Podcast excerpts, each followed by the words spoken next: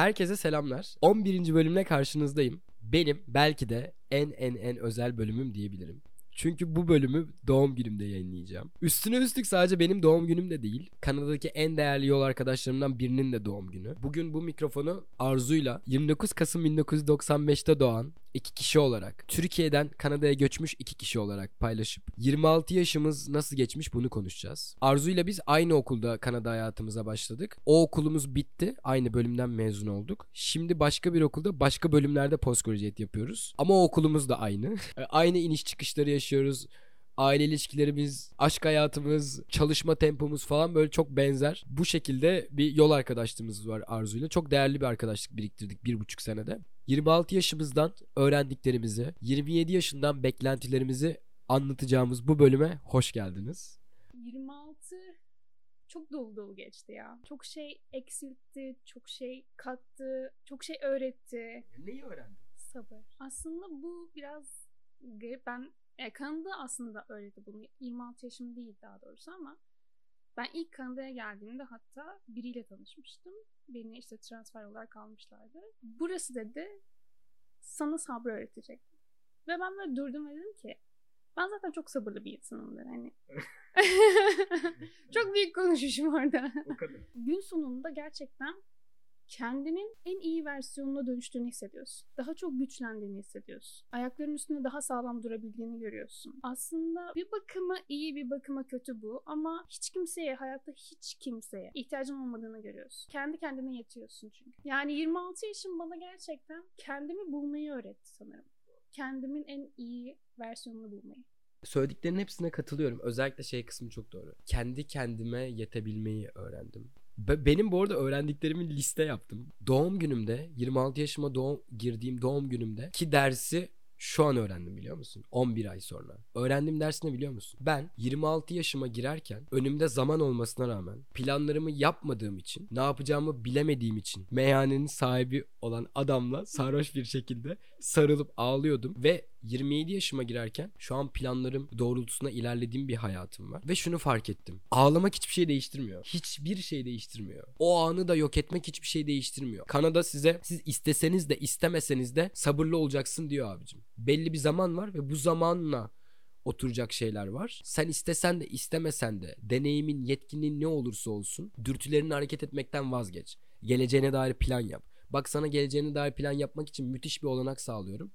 Ama yapmadığın her vakitte de sana korkunç sınav e, yükleyeceğim. Hayatına bir sınav daha ekleyeceğim diyor. Kanada tam olarak bana bunu yaptı. Yaşadığım şeyleri İstanbul'da yaşasaydım muhtemelen yaşadığım çoğu şeyden ve isten kaçıyor olacaktım. Ya gidip aileme ağlanıp sarılıp kaçacaktım. Arkadaşlarıma e, bunu yapıyor olacaktım. Ama Kanada'da e, bunların hiçbiri olmadan sadece kendi kendine durup kaldığında diyorsun ki istediği kadar insanlar hayatımda olsun ki bunların çok büyük kısmı 26 yıldır biriktirdiğim herkes 8300 kilometre uzaklıktalar ve senden 8 saat ilerideler. Sen akşamın 7'sinde ağlanıp sızlanırken o insanlar sabah alarmından 2 saat önce en derin uykularındalar. Şimdi uyandıracak mısın? Hadi diyelim ki aradın.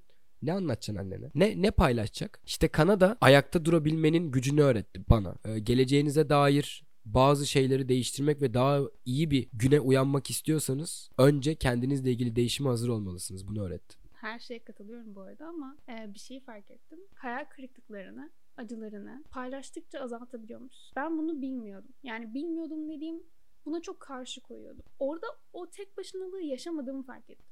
Çünkü oradaki insanlar e, sen her ne kadar ben bunu tek başıma yaptım desen de onların varlığı bile sana orada o kadar güç oluyormuş ki. Burada gerçekten, gerçekten yalnız kaldığını anlıyorsun bunu. Biz şanslıydık bu arada. Birbirimizi bulduk, çok güzel bir arkadaş grubu edindik vesaire ama yalnızlığı dibine kadar hissettiriyor burası sana. 8 milyar insan çok fazla göçmen var bu dünyada yaşayan. Kendi ülke içinde de başka yerden başka yere geçmiş binlerce insan. Çok özel, çok unik hikayeleri var herkesin. Ama bu göçmen olma deneyiminde yalnızlığın başka bir boyutunu yaşıyorsunuz. Hayatınızda insanlar var ki bu insanlarla hikayeleriniz çok benzer, çok yakın şeyler olduğu için aynı şeylere tetiklendiğiniz, aynı şeyleri anladığınız için bambaşka bir boyutta dostluk kurmaya başlıyorsunuz. Çünkü siz artık yol arkadaşısınız. Ne kaybettin burada? Burada o kadar çok kendi hayatına bakmaya çalışıyorsun ki, kendinle meşgul oluyorsun ki e, bazı duyguları unutuyorsun diyebilirim. Yani belki sıra gelmiyor, belki bilmiyorum ya, ya da ben kendimi bu kadar çok kapattım. Kaybettiğim şey şu. insanların hayal kurmasını sağlardım. O kadar fazla şey anlatırdım geleceğe dair. Bak şu olabilir. Şu yapılabilir. Bunu yapabiliriz. Şunu yapabiliriz. Şöyle olacak. Şuraya gidilebilir. Hayatın bir film olmadığını anlamaya başladığımdan itibaren bir plana ihtiyacım olduğundan, gerçekçi olmam gerektiğini fark ettiğimden itibaren hayallere değil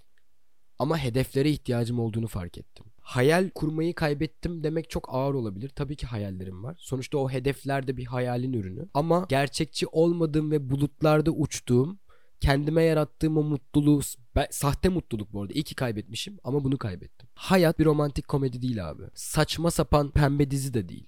Hayat gerçek ya. Sana öyle bir vuruyor ki senin istemediğin şekilde öyle sonuçlar doğuruyor ki şey diyorsun gerçekçi olman lazım ya. Ve ben artık insanlara Kanada çok güzel demekten ziyade ya da e, işte 26 yaşım harikaydı demekten ziyade 26 yaşım bana çok öğretici geldi diyorum. Çünkü artık hayal kurmuyorum. Artık hedeflerim var. Bir noktada kendim, kendimi kaybolmuş hissediyorum. Yani bir şey kaybetmiş değil. Ben kendimi kaybetmiş hissediyordum. Kendim kaybolmuşum gibi. Nereye ait olduğumu bilmiyordum. Kanada mı? Türkiye mi? Ne yapmam gerekiyor şu anda? O yüzden Kanada'da ne kaybettim sorusunu cevabı yok bende. Dedin ya e, ben kendimi kaybetmiştim diye.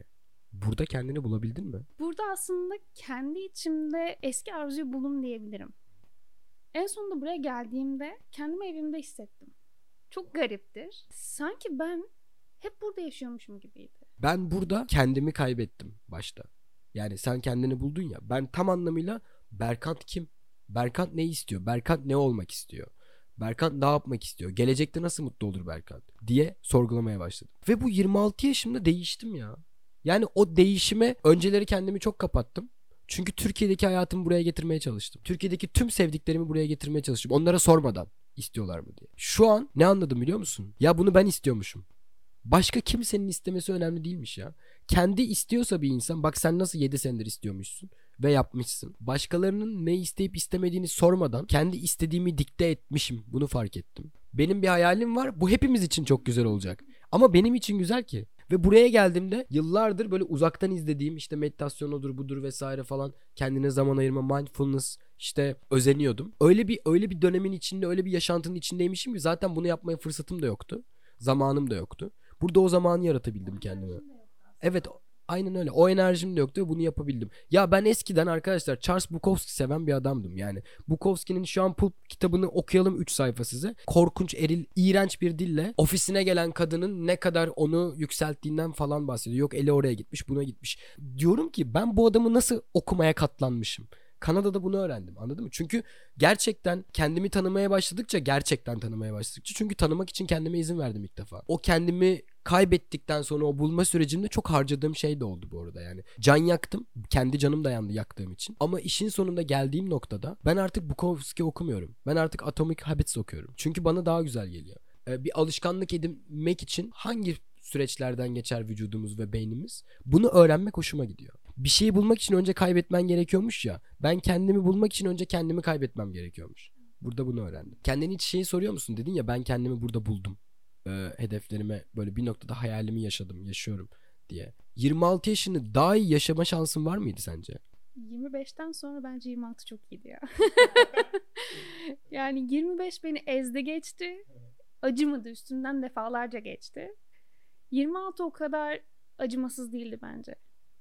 Ve çok gidip görmek istediğim yerlere gittim, gördüm. Çok istediğim bölümü e, kabul aldım üniversiteden. Hani daha iyisi olabilir miydi bilmiyorum ama olabileceğin en iyisi olduğunu eminim. Tüm acıların, tüm yaşadığın o zorluklara rağmen bunu söylüyorsun. Gerçi senin bahsettiğin gibi burası çok fazla inişlerin ve çıkışların olduğu bir yer. Hiçbir şey sabit değil.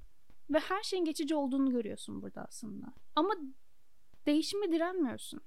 Onu öğreniyorsun aslında. Olacak olan oluyor bir şekilde ve sen akışta kalıp onu izlemeyi öğreniyorsun. Bu belki 26 yaşın vermiş olduğu olgunluk da olabilir. Gün sonunda şunu söylüyorum hep kendime. Bir şey oluyorsa senin hayrına oluyordur Arzu. Bırak. Demek ki bunun olmaması gerekiyordu. Ben işte çok uzun bir süre buna direndim. İnsanlar değişemez. İşte benim bıraktığım gibi kalacaklar falan dedim. Buna o kadar çok direndim ki değişmemeye. e, insanların da değişmemesi gerektiğine. Zamanla her insan, herkes, her şey değişiyor. Köpeğinin davranışlarına kadar herkes ve her şey değişiyor. Biz burada değişiyoruz ve değiştiğimiz noktada mesela ben yeni arzuya, bu değişen arzuya sürekli beraber vakit geçirdiğim için alışma sürecim kolay oluyor. Seninle ilgili hiçbir eksiklik hissetmeden yolumuza devam ediyoruz dostluğumuza vesaire. Geride bıraktıklarımız da büyüyor, olgunlaşıyor. Ve biz bunu burada belli bir zaman geçtikten sonra Türkiye'ye döndüğümüzde anlıyoruz. Hayata bakış açın çok değişiyor. O yüzden aranda bir takım mesafeler olabiliyor. Bazen seni üzebiliyor. Hayat hepimize bir şeyler öğretiyor. 26 yaşımız nasıl bize bir şeyler öğretti diye bir podcast bölümü çekiyoruz. Ve bunu böyle böyle 5 saatte konuşuruz yani. Şöyle oldu böyle oldu falan diye. Ee, insanlar da bir şeyler yaşıyor. Karşımızdaki insanlarla. Onların değiştiğini bazen kabul etmek gerekiyor. Hiçbir şey bıraktığımız gibi değil. Hiçbir şey bıraktığımız gibi olmuyor. İki sene önceki Berkant'a baktığında senin ne kadar değiştiğini, o aslında o değişime direnç gösterdim diyorsun ama o kadar yol kat ettin ve o kadar değiştin ki aslında. Ve birlikte gerçekten bunu yaptık. Yani ben yeri geldi düştüm, sen beni kaldırdın, sen düştün, ben seni kaldırdım. Burada önemli olan şey aslında sen düştüğünde seni kaldırabilecek insanların yanında olması. Bu süreçte seni daha çok aşağı çeken insanlardansa, enerjini emen insanlardansa sen düştüğünde seni kaldıracak insanlara ihtiyacın var aslında. Bu arada bu süreçte gerçekten şeyi yaşadım. Bazen seni aşağıya çeken arkadaşlıkları salmak gerekiyor. Doğru değeri görmediğini düşündüğün arkadaşlıklar için de geçerli falan. Bunu gördüm. Yani mesela Türkiye'ye gittiğimde de yaşadım. İşte ne bileyim burada da oldu. Burada da bitirdiğim arkadaşlığım oldu. Biriyle yakın arkadaşlığımı bitirdim falan. Çünkü aynı aynı dili konuşmuyorduk. Konuşmuyoruz abi. Kanada'da olsan da konuşmuyorsun. Benim yolum başka yol. O yola dahil değilsen yapacak bir şeyim yok. Ben o yolda gidiyorum abi. Ben o yolda koşuyorum. Aynı yolda değilsek, aynı şeye koşmuyorsak ben seni darlamayayım. Sen de beni darlama. Bazen bazı yolda senin yanında olan insanlarla başka bir iletişim kurarsın. Bu kadar. Hayat böyle işte senin istediğin gibi olmuyor ve senin istediğin gibi olmayan bu bir durumda da bu krizi en iyi şekilde çözmeni bekliyor senden. Çünkü diyor ki sen bu krizi çözemezsen bak daha büyüğünü yolluyorum haberin olsun yani. ve yani burada bir şeyle mücadele ederken sen şunu öğreniyorsun. Herkesi mutlu edemezsin abi. Her anın çok değerli. Bunu gerçekten hak edecek insanlara harcaman gerekiyor. Tamamıyla pausladığını, tamamıyla durdurduğunu düşünüyor musun bir noktada? Yaşamayı bıraktığın bir dönemin oldu mu hiç? İlk bir senesi öyle geçti diyebilirim. Kendimi çok kapattım sanırım. Sadece odaklandığım şey burada çalışmaktı, bir düzen kurabilmekti. Bu çok sancılı geçti benim için. Bazı şeylere kendimi çok kapattığımı hissettim. Sevdiğim şeyleri yapmak için bile kendime vakit tanımadım. O an önceliklerim farklıydı. O yüzden ilk bir sene bunu yaptım diyebilirim. Hepimiz hayatımızda bazı şeylerden fedakarlık ederek geliyoruz buraya. Asıl insanların bence buraya geldiğinde yaptığı hatalardan biri de bu. Oradaki hayatımızı direkt buraya entegre etmeye çalışıyoruz. Öyle bir şey yok. Sen burada sıfırdan bir hayata başlıyorsun. Sevdiklerini arkanda bırakıyorsun. Hiç kolay bir şey değil. Olay burada başlıyor aslında. Ağlamaya hakkın yok diye düşünüyorum. Ya hakkın yok diyemem. Bunları göze alıp geldiysen eğer sonuçlarına da katlanman gerekiyor diye düşündüm hep. Kaybettiklerimiz ve kazandıklarımız ikisi arasında bir terazide bir ölçüm yapamam yani. Bulunduğum noktadan mutlu muyum? Baktığınız açıya göre değişir mutluyum. Ama kaybettiğim tabii ki bir sürü şey var. Ama işte sizin seçimleriniz sizi bir yere götürüyor. Ve bu bulunduğunuz noktada o gittiğiniz yerde mutlu olup olmamak size kalmış. Çünkü siz oradasınız artık anladın mı? Sen buraya geliyorsun bu seçimi kendin yaptın. Kimse yapmadı. Sen istiyordun ben istiyordum. Bu kadar. Buraya geldim. Bununla yüzleştim o yüzleşme kısmı çok sert oluyor. E, basit bir şey değil yani. Hani çok fazla sert oluyor. Ben mesela acayip travmalarım olduğunu öğrendim. Geçmişte çok büyük travmalar yaşamışım. Çocukluğumda belki gençliğimde çok fazla şey yaşamışım.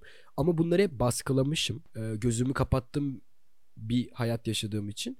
Ama burada işte o geçmişten gelen ve baskıladığınız her şey ortaya çıkıyor, patlıyor. Kendinizi tanıma sürecini gerçekleştirdiğiniz için bu bu arada Almanya'ya gitseniz de muhtemelen böyle olacak. İrlanda'ya gitseniz de, Avustralya'ya gitseniz de mevzu şey kendi konfor alanınızdan çıktığınız zaman ilk öğrendiğiniz şey kendinizle ilgili şeyler oluyor. Öğreniyorsun yani anladın mı? Bu kadar basit. Diyorsun ki o alan ben böyle bir şey seviyormuşum. Aa benim böyle bir korkum varmış. Benim böyle bir travm var, varmış diyorsun. Ben çocukluğumdan ve gençliğimden gelen ve bütün ikili ilişkilerimi, arkadaşlık ilişkilerimi, aşk ilişkilerimi etkileyen çok spesifik bir mevzunun olduğunu öğrendim burada. Ve bununla yüzleşmek haftalarımı aldı. Sırf bu mevzu yüzünden söylemlerime, tavırlarıma dikkat etmeye başladım insanlara karşı. Sonra bir baktım, aa evet bir şeyler o küçük küçük alışkanlıkları değiştirmek e, bununla ilgili o travmaları atlatırken bazı şeyleri kabullenip bunun üzerine bir şey inşa etmek yapılabiliyormuş. Ben de mesela bunu öğrendim. En çok yani en bariz, en benim hayatıma dokunan şey bu oldu burada. E, çünkü mecbur kaldım. Kafana vura vura öğretiyor çünkü yani. Burada çok kritik bir travma yaşadın mı? Böyle şey. E, travmatik bir olay yaşadın mı demiyorum ama bir şeye tetiklendin mi? Arkanda bıraktığın her şey seni burada tetikliyor aslında. Uzakta olduğumuz için belki de bazı şeylere körü körüne bağlandık. Sen de ben de mesela aynı yollardan geçtik. Eminim ki burada olmasaydık çok daha rahat atlatabileceğimiz çok daha rahat üstesinden gelebileceğimiz şeyleri aylarca oturup o masada konuştuk mesela. 26 yaş bana birazcık bırakmayı da öğretti. Direnme, bırak. Peki ben sana nasıl bir sorayım?